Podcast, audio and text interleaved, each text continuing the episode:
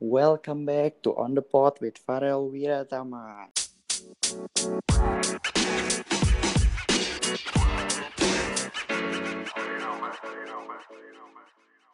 Hai semuanya, jadi hari ini gue bakal ngebahas sesuatu yang beda sih dari yang sebelum-sebelumnya udah gue bahas. Gue nggak cuman nanya-nanya, buat hari ini gue bakal ikut ngejawab juga. Dan hari ini tamu gue spesial, gue hmm, sama pacar gue, yaitu Arneta Raisha. Hai, Hai, gimana kabarnya? baik, alhamdulillah. Apa rasanya diajak podcast ya? Tentunya malu dan tidak pede, tapi ya udah kan support Oke, Ayel. good. Jadi hari ini kita bakal ngejawab pertanyaan-pertanyaan yang udah gue kirim ke mana ya? Ke second Instagram sih, tapi ya nggak apa-apa lah yang nanya juga lumayan banyak. Hmm, Oke, gue mulai aja ya. Dari pertanyaan pertama, Arneta jawab. Gimana pertama kali kenal sama Ayel?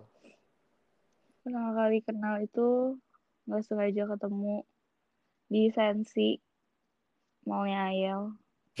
Terus eh ya udah sih kayak masih kelas 1 SMP baru masuk kampus mau ketemu Keko, Syahira dan teman-temannya. Terus nggak sengaja ketemu Ayel, terus di line. Terus ya udah kenalan deh. Iya, Udah dari situ kita ya udah itu pertama kali kita kenal. oke, oke. Itu jawaban dari Arneta ya. Habis itu kita lanjut ke pertanyaan kedua. Gimana caranya ngebangun kepercayaan satu sama lain? Aku dulu yang jawab ya. Heeh. Jadi gimana caranya bangun kepercayaan itu?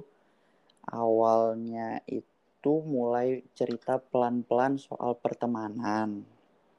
Pertemanan eh, abis itu lama-kelamaan eh, kalau misalkan lihat dulu respon dari pacarnya gimana. Kalau misalkan dia udah cerita juga soal pertemanannya, insya Allah dia pasti percaya sama lo dan dia pasti ngasih kepercayaan juga berarti istilahnya gitu. Kalau misalkan lo udah cerita terus dia balik cerita juga berarti dia udah percaya terus sering terbuka juga soal apa ya soal kayak eh, hobi dia ngapain kayak lagi mau ngapain ke mana-mananya gitu-gitu deh. Sebenarnya kalau eh, buat pergi-pergi gitu itu juga kabar harus ngabarin biar percaya. Kalau menurut kamu gimana sih cara ngebangunnya? Eh, gimana ya? Kalau menurut aku itu akan hadir dengan sendirinya sih. Kalau misalkan ya tapi tergantung tipe orang tipe masing-masing orang juga. Kalau misalkan emang ada orang yang misalkan punya trust issues itu emang susah pasti tapi kalau orang yang tipikal easy going terus open minded itu pasti gampang sih paling dua dua minggu pacaran juga udah mulai percaya satu sama lain tapi ya tergantung orangnya masing-masing sih Oke, lanjut ke pertanyaan selanjutnya. Perlu nggak sih ngenalin pacar ke orang tua padahal hubungannya belum serius? Gimana sih? Perlu nggak? Hmm, perlu lah. Apalagi kalau misalkan ya, tapi kalau misalkan emang nggak nggak nggak pergi, nggak yang kayak pergi sendirian, eh berdua gitu sih nggak nggak harus ya. Kalau misalkan cuma sebatas deket-deket di sekolah aja sih, kalau menurut aku nggak nggak penting-penting banget. Ya, ya. Tapi kalau misalkan udah pergi keluar rumah, terus dijemput apalagi di rumah, terus pergi ke mall berdua ya perlu sih. Takutnya kan kayak amit-amit ya, nauzubillah min ada apa-apa kalau misalkan ntar yang pihak perempuannya hilang atau disakitin atau apa kan at least orang tuanya tahu siapa yang harus dia hubungin. Kalau terjadi apa-apa tahu apa yang harus siapa yang harus dituntut tuh tahu lah. Daripada Oke. kayak clueless gitu kalau nggak tahu pergi sama siapa. Kalau buat cowok ya sebenarnya harus apa namanya lapang dada kalau misalkan nggak di kalau misalkan dikenalin ke uh, orang tua pacarnya tuh cuman sebagai temen ya Sya. kayak banyak kan yang gitu. Ya. Kayak cuman sebagai ya. sahabat temen deket ya harusnya orang tua juga pinter sih biasanya pasti tau lah kalau misalkan udah kenalin laki-laki ya pasti kelihatan lah gerak geriknya kayak ya mana yang pacar mana yang temen mana yang sahabat pasti orang tua ngerti lah. Benar. Makanya jadi apa namanya buat cowok-cowok kalau masih dianggap temen e, sama orang tua gitu itu nggak usah peduliin nggak usah apalah apa namanya pasti orang tua juga ngerti kalau lo tuh pacarnya. Jadi santai aja bawa santai dulu.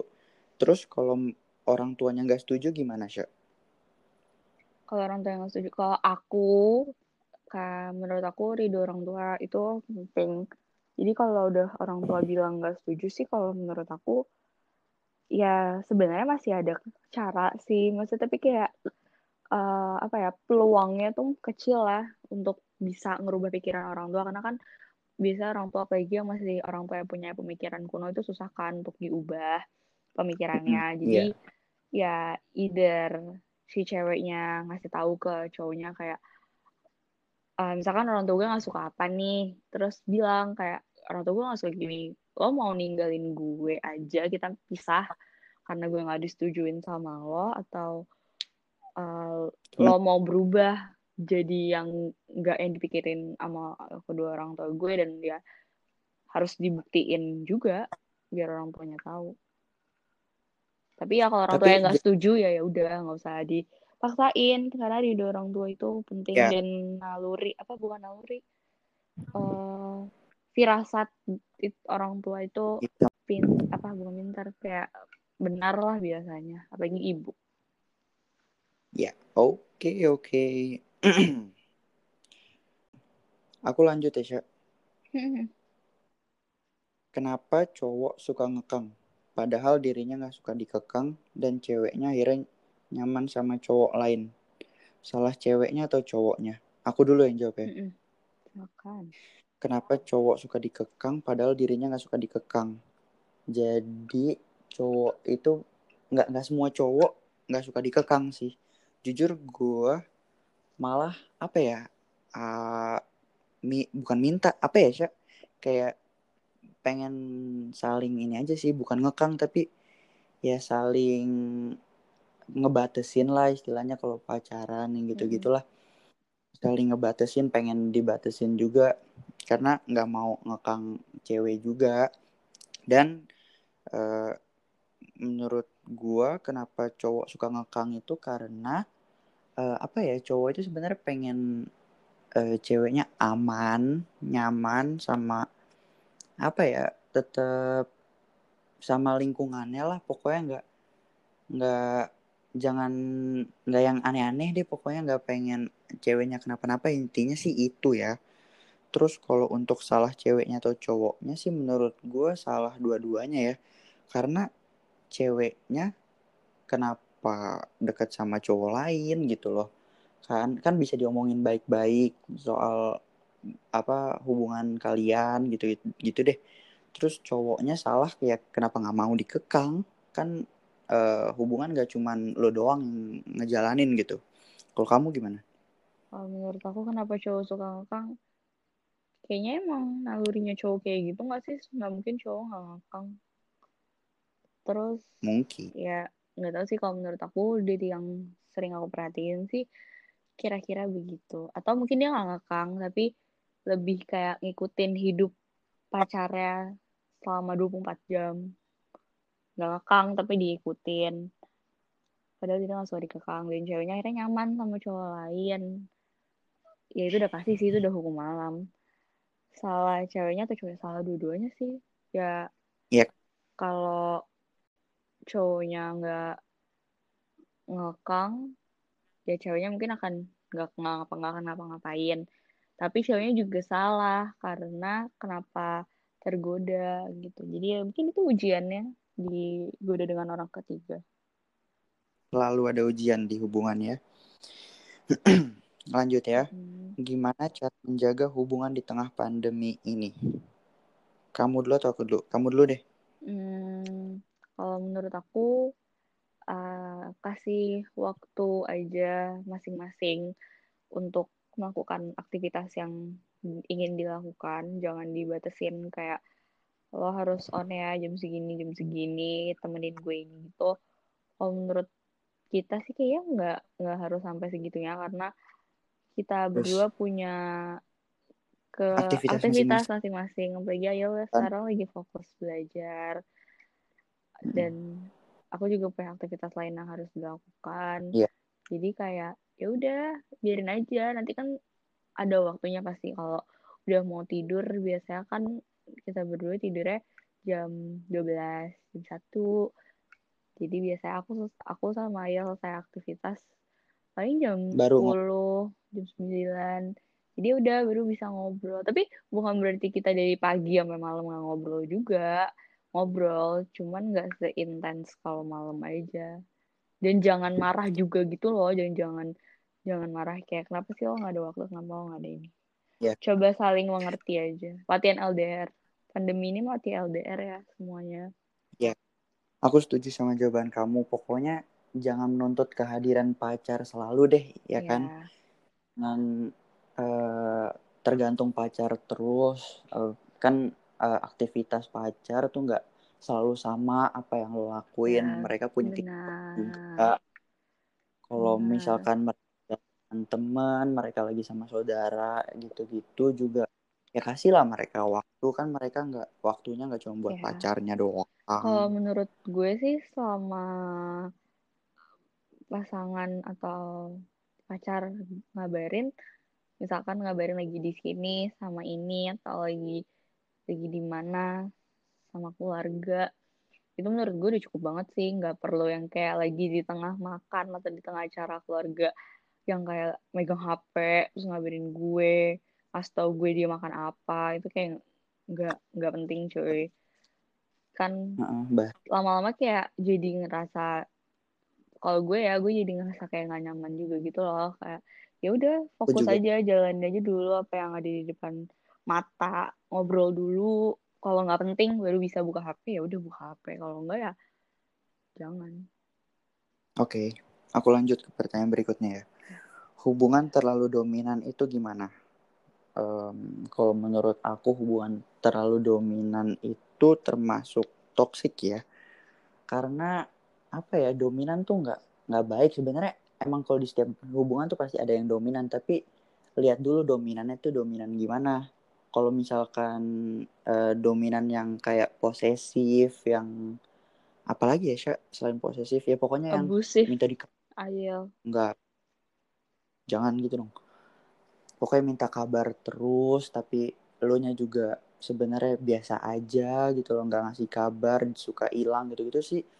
Jangan sih menurut gua hubungan tuh harus seimbang bener-bener harus seimbang. Jangan jangan sampai cowoknya takut sama ceweknya terus ceweknya ngerasa dia kuat atau sebaliknya ceweknya yang takut sama cowoknya karena cowoknya dominan tuh jangan deh. Pokoknya kalau bisa uh, timbang hmm. uh, kalau misalkan ceweknya suka marah cowoknya ngertiin. Tapi kalau misalkan cowoknya marah ya ceweknya juga harus ngertiin saling ngertiin gitu. Hmm. kamu? Ya sama sih. Ya di setiap hubungan pasti ada aja yang lebih dominan. Tapi ya itu balik lagi sih ke masing-masing individu ya.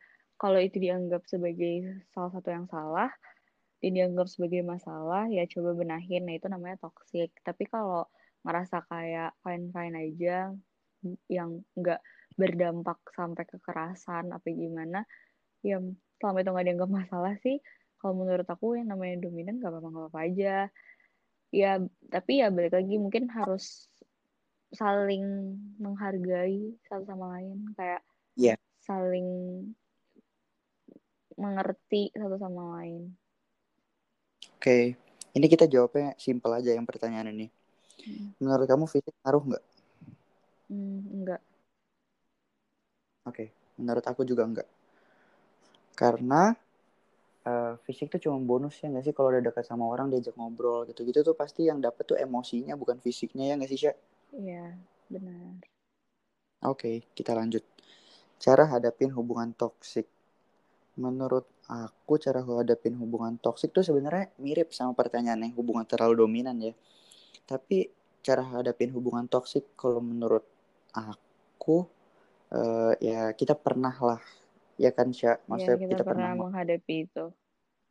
Ya cara kita itu ya kalau gua gua ngasih Arneta waktu gua ngasih Arneta waktu apa uh, terus sama cowok inti itu cuma satu jangan stop berjuang jangan stop uh, bikin ketawa lah cewek lo jangan jangan stop deh. Pokoknya kalau cewek lo nggak mood bete marah ikutin aja mau dia tuh apa gitu. Jangan jangan ikutan marah jangan ikutan bete juga ya. Itu toksik itu tambah toksik hubungan lo. Kalau tapi kamu, banyak tahu cek? yang apa eh yang perlu berjuang lebih tuh dari sisi perempuan bukan laki-lakinya. Iya. Ya makanya. Ya. kan kalau menurut aku namanya hubungan toksik ya harus diakhirin sih. Ya pilihannya cuma dua lo mau benerin atau ngakhirin yang benerin yang pasti susah sih yang namanya benerin hubungan toksik. Karena balik lagi tuh pasti udah sifat aslinya salah satu dari pasangan itu cowoknya apa ceweknya. Jadi kalau mau benerin itu pasti susah. Harus lo harus beneran kenal orang yang lo hadepin tuh sebenarnya kayak gimana sih? Apakah dia orangnya yang tipikal kayak gue yang gue tuh nggak suka yang namanya di apa ya bahasanya kayak di deketin di pepet kayak 24/7 gitu gue paling nggak bisa.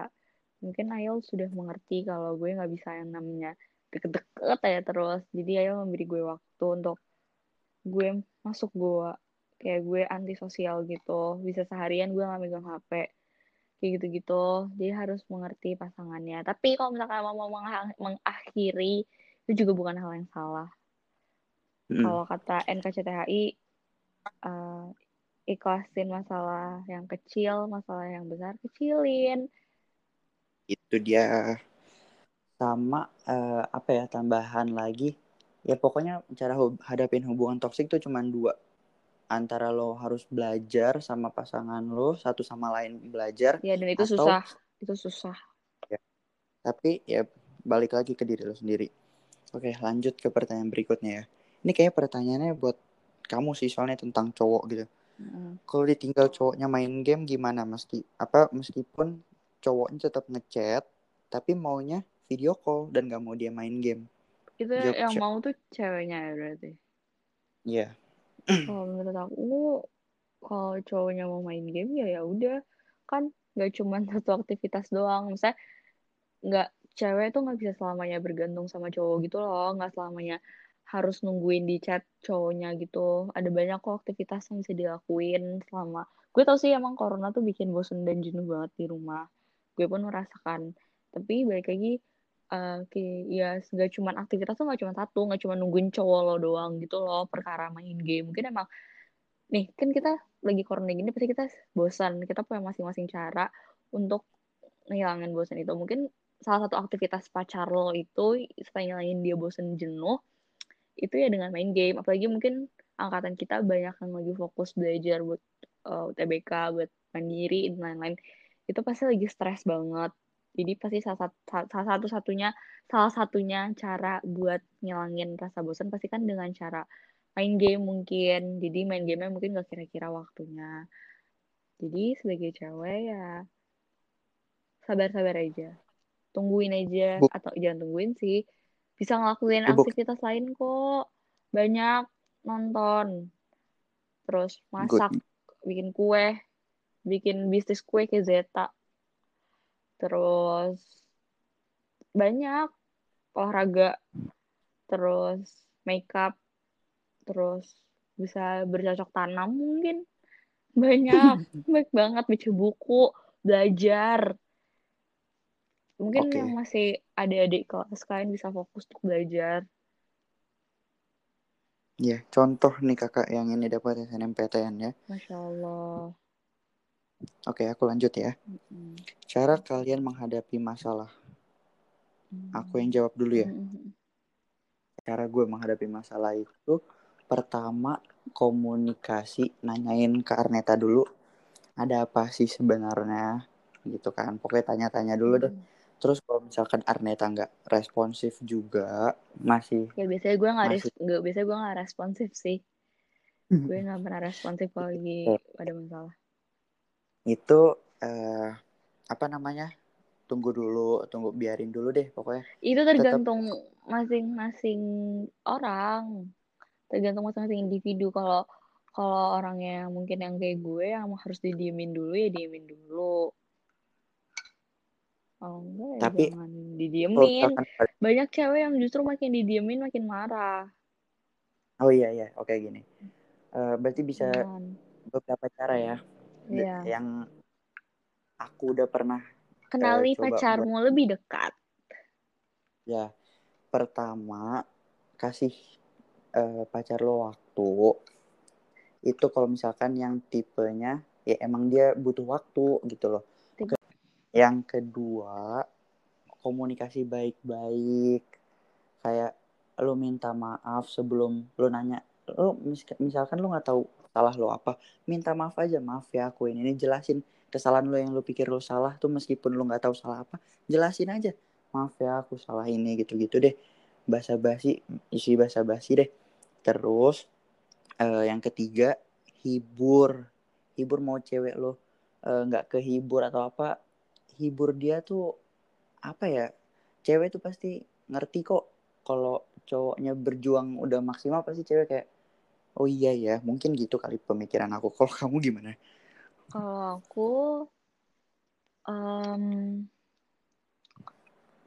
uh, kalau aku biasanya sih kalau nggak ada masalah karena aku orang yang males cari ribut meskipun aku orang emosian tapi aku biasanya minta maaf aja sih. Sebelum lebih baik. Ya sebelum aku tahu salah aku di mana aku biasanya minta maaf dulu sampai ayel kayak ngerasa kayak berisik banget sih lo minta maaf mulu gitu. Itu gue baru bisa selesai. Tapi kalau misalkan abis gue minta maaf bisa gue bernanya e, eh, gue salah apa? Bisa sih gue udah tahu sih gue salah apa cuma gue hanya ingin memastikan kayak aku salah apa ya? Atau um, salah aku di ini ya karena aku kayak gini ya. Kayak ter terkanak aja guys soto aja biar kesannya kayak kita peduli gitu. Meskipun sebenarnya yeah. belum tentu benar tapi biasanya kalau misalnya udah digituin tuh cowok mau jawab kayak bukan gitu gitu. Atau gimana. Sih udah deh ngobrol. Selesai ngobrol ya udah. Kalaupun masih sebel ya udah. Ntar juga lupa. Ini sekarang soal penalaran nih Syed. penalaran umum. Ini bukan penalaran sih tapi kayak uh, ini pertanyaan aja deh. Apa yang bakal lo lakuin kalau pasangan lo bilang udah capek pacaran tapi seminggu kemudian dia udah punya pacar baru? Cari yang baru juga jangan mau kalah. Ah itu dari Arneta. Iya. dari gue lo nangis lo mojok lo itu ayel banget. Oh. Enggak tapi nggak sehat juga sih cara cara gue yang kayak cari yang baru lagi. Itu nggak sehat sih. Oh enggak ini cara aku ya. Tapi kalau kalau kayak gitu tuh jadi lebih puas gitu loh. Kayak apa? Lo mau pamer apa? gitu. Kayak gue bisa lebih dari lo gitu nggak baik itu itu nggak baik itu nggak itu gak baik. Gue juga nggak tahu kalau gue gue akan mengalami itu. Gue bakal ngapain? Gue nangis kali gue. Cengeng. Karena apa ya kalau misalkan uh, kita ngelihat pacar eh mantan kita udah punya pacar baru setelah putus sama kita baru seminggu. Ya gue ngalamin itu cuy. Udah bentar dulu bentar dulu. Kalau misalkan uh, mantan lo itu udah dapet pacar baru setelah seminggu putus sama lo terus lo juga nyari pacar baru biar uh, ngerasa nggak kalah itu lo salah karena apa ya lo nyari cewek lah nyari cewek atau nyari cowok baru lagi tuh karena tujuan lo tuh biar uh, apa namanya biar nggak kalah dari mantan lo. Sebenarnya lo jangan gitu kalau mau uh, mantan lo nyesel atau apa lo tuh uh, ngelakuin suatu hal yang menurut gue tuh apa ya dibilang uh, berguna positif atau jadi diri lo tuh yang beda dari sebelumnya gitu loh. Atau be kayak, a better person lah. Ya be a better person. Jadi kayak mantan lo tuh ngeliat wah ini orang begini atau sekarang. enggak jadi kayak atau enggak lo melakukan sesuatu hal yang positif. Terus hmm, orang-orang lihat apa yang lo lakuin atau si mantan lo ini lihat apa yang lo lakuin. Lo misalkan apa kayak lo bikin suatu achievement yang luar biasa misalkan itu pasti bakal langsung ketampar sih si orang yang langsung punya pacar itu gue yakin. Karena Arneta berpengalaman kayaknya ya. Ya ya gitu deh. Oke nih. Apa yang bakal lo lakuin kalau cuman dimanfaatin sama pacar? Aku yang jawab dulu ya. Kalau gue selama pacarnya manfaatinnya masih biasa aja kayak cuman minta tolong dibawain tas itu bukan manfaatin gak sih? Kecuali ya enggak. manfaatin tuh kalau udah melakukan sesuatu tapi yang kayak berulang-ulang kali kayak minta bawain tas tiap hari itu baru manfaatin. Ya iya maksudku itu minta bawain tas. Oh minta bawain tas tiap hari ke mobil gitu loh minta bawain tas ke mobil gitu gitu deh. Menurut aku sih itu masih biasa aja ya masih toleransi masih bisa ditoleran lah.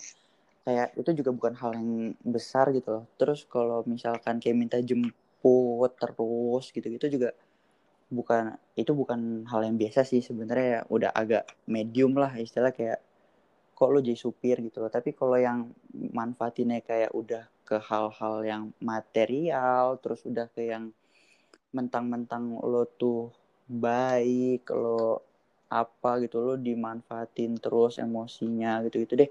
Kalau yang gitu sih baru itu uh, jangan deh lo lo jangan pertahanin kalau hubungan lo tuh dimanfaatin ke level yang situ. Kalau kamu gimana? Kalau menurut aku gimana kalau aku dimanfaatin kayak cewek jarang gak sih dimanfaatin? Bisa cewek yang manfaatin ya, tapi apa yang bakal kamu lakuin kalau dimanfaatin sama pacar?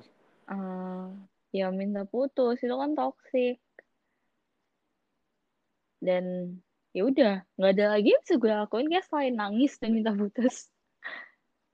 Oh ini ini nih apa namanya? Uh, kalau misalkan lo dimanfaatin sama pacar uh, ngomong lo lo lo harus berani tegas sama pacar yeah. bener nggak? Ya tapi percuma tegas ya ya gimana ya? Ya lo ngomong boleh tapi kan menurut gue yang namanya manfaatin kayak gitu lo berarti ya nggak lemah dong sama pacar lo ya. Kalau menurut gue yang selesain aja yang ngapain dilanjutin. Iya itu dia. Ngomong boleh tapi jangan tegas. jangan jangan apa ya jangan lembek gitu loh. Sekali ngomong ya udah ngomong tapi ya udah langsung selesai hidup cuma sekali jangan dibikin ribet. Karena hidup yang kita jalani sehari-hari aja udah ribet. Itu dia ternyata bijak banget deh. Lebay banget lu kecap. Nih. Oke ya aku lanjut ya. Kenapa di awal masa pacaran itu bahagia banget tapi lama kelamaan jadi bosen dan milih untuk putus atau jarang chatan? Kenapa? Hmm, fase siklus siklus hubungan emang kayak gitu. Nah pinter-pinternya si orang yang menjalani hubungan aja. Kalau emang orang yang menjalani hubungan ini sadar kayak eh hubungan gue makin lama makin renggang nih. Ya itu pasti sik siklus fase. Ya udah sekarang waktunya lo untuk bergerak. Lo mau gini aja lari di tempat atau lo mau cari yang baru atau lo mau benerin. Benerinnya dengan cara ya lo komunikasi lebih lagi terus ngobrol yang banyak cerita-cerita ajak jalan ajak nonton ajak makan bawa ke tempat-tempat yang hmm, cewek romantis. lo suka. Romantis apa ya? Gue tempat di Jakarta yang romantis nggak ada. Ya ya dibawa ke mall. Cewek kalau dibawa ke mall diajak makan enak juga seneng. Diajak makan sushi. Kayaknya kode sih ini guys. Enggak kok kalau menurut gua uh, selama apa yang udah gue laluin bareng Arneta kenapa awal masa pacaran tuh bahagia? Karena lo tuh ngerasa lo tuh udah dapet apa yang lo suka gitu. Kayak lo apa istilahnya dapet barang baru ya? Dapet barang baru gitu. Sepatu baru dapat mainan baru.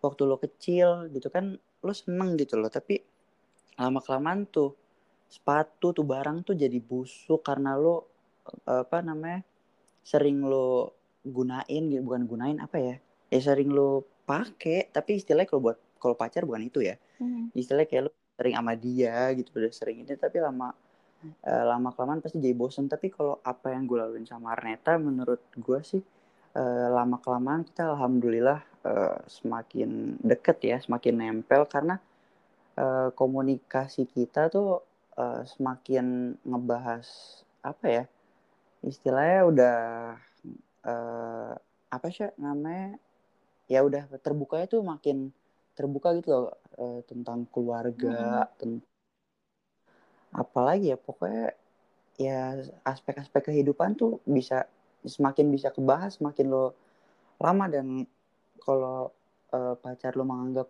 aspek kehidupan yang lo bahas tuh menarik pasti eh, lo bakal ngebahasnya tuh bakal asik dan hubungan lo tuh bakal ya gitu bakal nggak bosan pasti ada aja yang dibahas ada aja yang dibahas kalau misalkan Jangan terlalu Kenapa? sering ngobrol juga. benar sih Kalau terlalu Kita sering jarang. ngobrol, itu pasti bosen banget sih. Kita, kita, Sya. kita jarang banget ngobrol. But Ya teleponan Gua se- aja seminggu sekali bagus. Hmm, Dua minggu sekali, tiga minggu sekali. Kali kita baru teleponan. kita selama corona tuh 20 aja belum nyampe kali ya iya, teleponan. gila. Kita sejarang itu. kan? Tapi Tapi sekali Eh, teleponan kita jadi cerita banyak.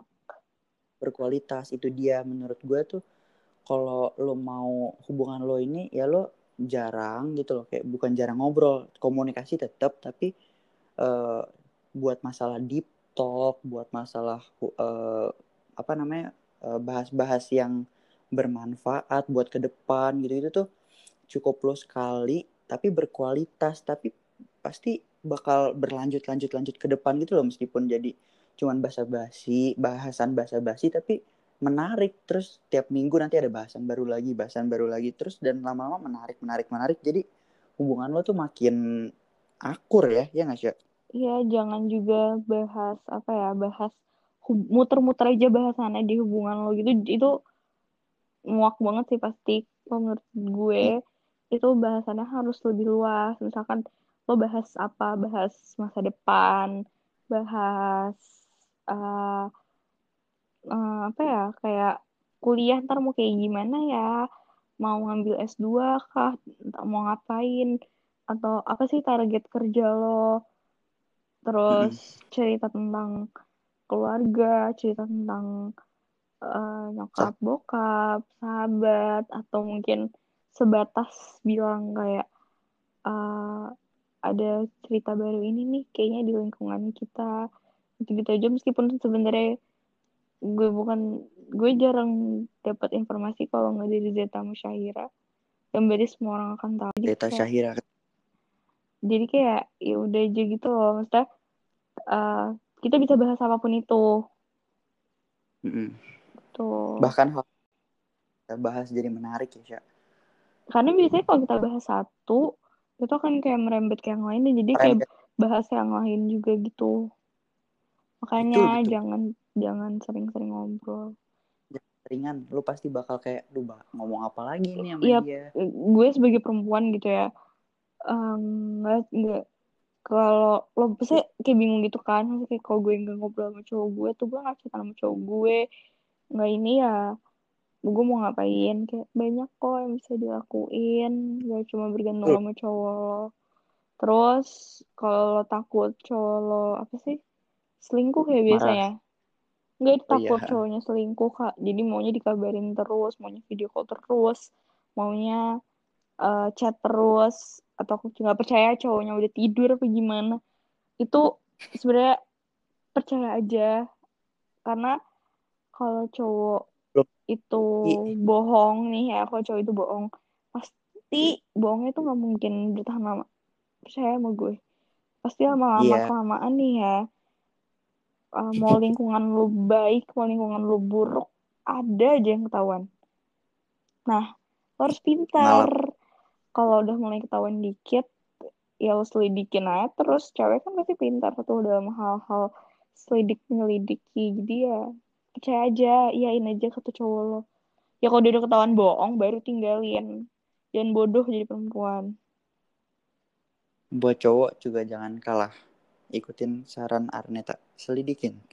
Ya. lanjut terakhir. Kalau pakai kata-kata putus dengan tujuan cepat kelar masalah padahal nggak mau putus itu toksik nggak?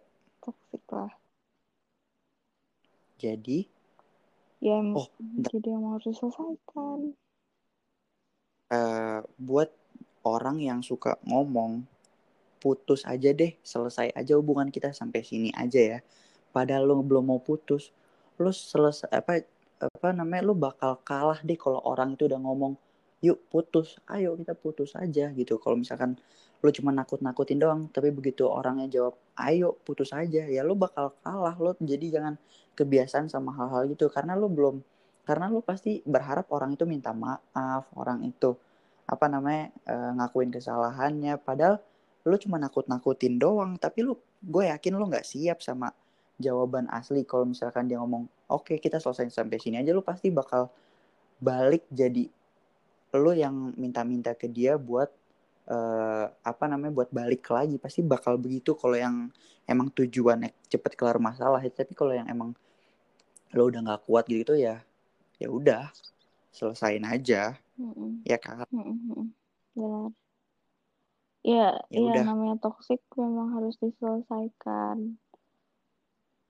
sayang boleh tapi jangan bego oke aku aku closing ya Mm-mm. Jadi intinya buat hubungan yang di luar sana itu eh, intinya tuh pokoknya pertama komunikasi sama pacar itu jangan putus. Eh, eh, setelah istilahnya kayak cuman nanya kabar lagi ngapain gitu gitu ya udah nggak apa-apa sih sebenarnya tapi buat nuntut nuntut dia selalu ada tuh jangan. Terus saran kedua dari Erneta apa? Hmm, apa ya? Oh, yang namanya jalanin eh hubungan di tengah pandemi kayak gini itu pasti emang susah banget. Banyak slack, banyak debat. Kita juga kayak gitu. Kita banyak debat. Karena nggak ketemu Ilham secara langsung. Iya, ketemu secara langsung. Jadi kayak feel-nya tuh kurang dapet gitu loh kalau ngobrol. Jadi ada aja lah kasih slack-nya. Jadi ya sabar aja. Perempuan mau laki-laki harus sabar. Harus lebih mengerti lagi tentang situasi dan kondisi yang sedang dijalanin oleh satu sama lain. Dan jangan malu juga gitu loh masing-masing untuk terbuka Ings. bilang aku tuh lagi capek loh belajar loh ngertiin juga jangan malu jangan diem aja. Jadi kan kalau nggak diomongin juga mungkin perempuannya nggak tahu kan apa yang lagi dialamin. Jadi ya sabar latihan LDR ini Iya, tuh betul. mendewasakan diri banget tahu corona kayak gini karantina nggak ketemu gini tuh bikin sabar bikin apa lagi bisa menghargai orang lebih lagi Iya, makin belajar banyak juga ya dari orang-orang sekitar kita. iya iya iya jadi jadi sadar akan ini loh LDR tuh nanti kayak gini gitu Gambaran LDR lah Iya. istilahnya ya. kan pasti banyak Oke, yang kan LDR Arneta Raisya, thank you for your time. sama Bye-bye. bye bye